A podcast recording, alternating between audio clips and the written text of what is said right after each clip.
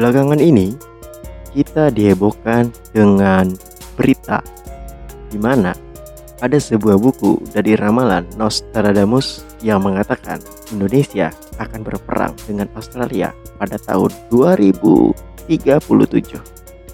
Lantas, kenapa Indonesia bisa berperang dengan Australia? Padahal kita tahu kalau kita sangat mencintai perdamaian.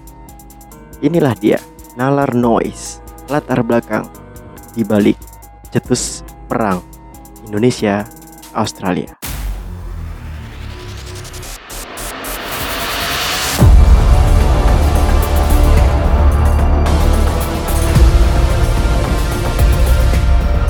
Kita tahu, mulai dari tahun 2019 setelah Menhan Prabowo terpilih menjadi menteri, ada banyak sekali belanja negara di bidang pertahanan dari negara kita.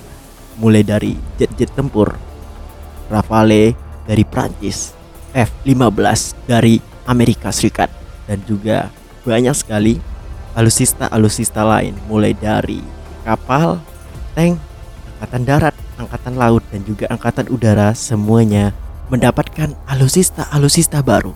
Alasannya adalah konflik yang terjadi di Natuna, perebutan wilayah oleh negeri Tiongkok yang mengatakan bahwa Laut Cina Selatan menurut dari Nine Dash Line dan juga nenek moyang mereka bahwa Laut Cina Selatan itu adalah milik dia. Dengan alasan itu, Indonesia memperbarui alusistanya. Tentunya, jika kebijakan belanja besar-besaran oleh Menteri Pertahanan ini dilanjutkan oleh Presiden terpilih selanjutnya, maka pada tahun 2037 Indonesia sudah benar-benar siap dan mempunyai peralatan dan alusista canggih untuk menerima ladenan perang dari Australia. Hmm.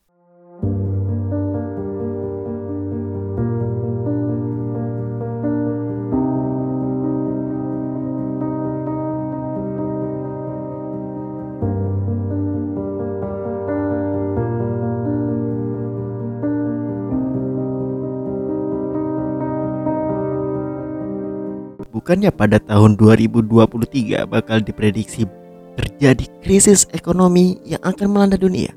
Bagaimana Indonesia bisa melanjutkan pembelian senjata besar-besaran itu? Pada sejatinya, Indonesia lepas dari krisis ekonomi karena krisis ekonomi yang akan terjadi itu akan terfokus di Eropa. Kita tahu kalau krisis ekonomi yang terjadi karena kekurangan sumber daya alam, dan juga sumber pangan yang langka. Indonesia memiliki sumber daya alam yang melimpah, sumber pangan yang bisa didapatkan oleh negeri sendiri.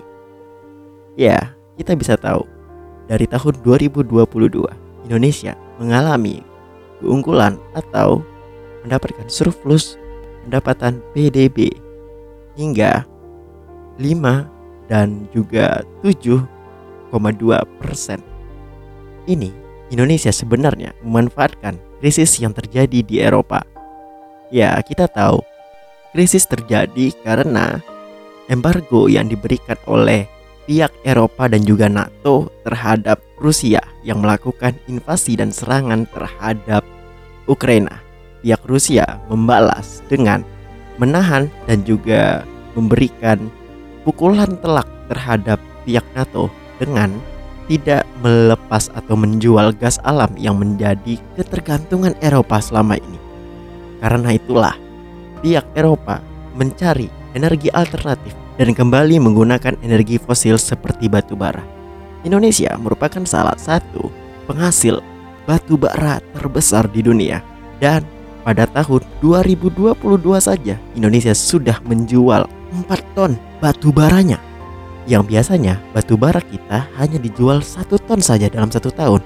Kita juga tahu kalau Indonesia sekarang sudah berhasil swasembada pangan atau berhasil memproduksi berasnya untuk kebutuhannya sendiri. Bahkan sudah ada beberapa negara yang meminta untuk Indonesia ekspor berasnya kepada beberapa negara yang berada di Eropa.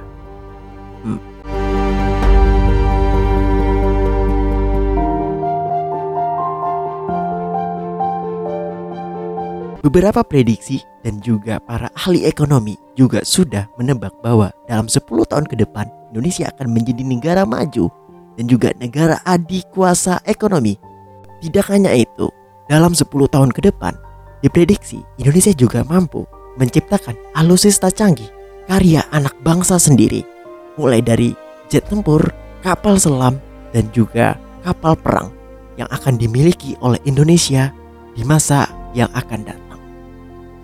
Lantas, kenapa Indonesia diprediksi akan kalah?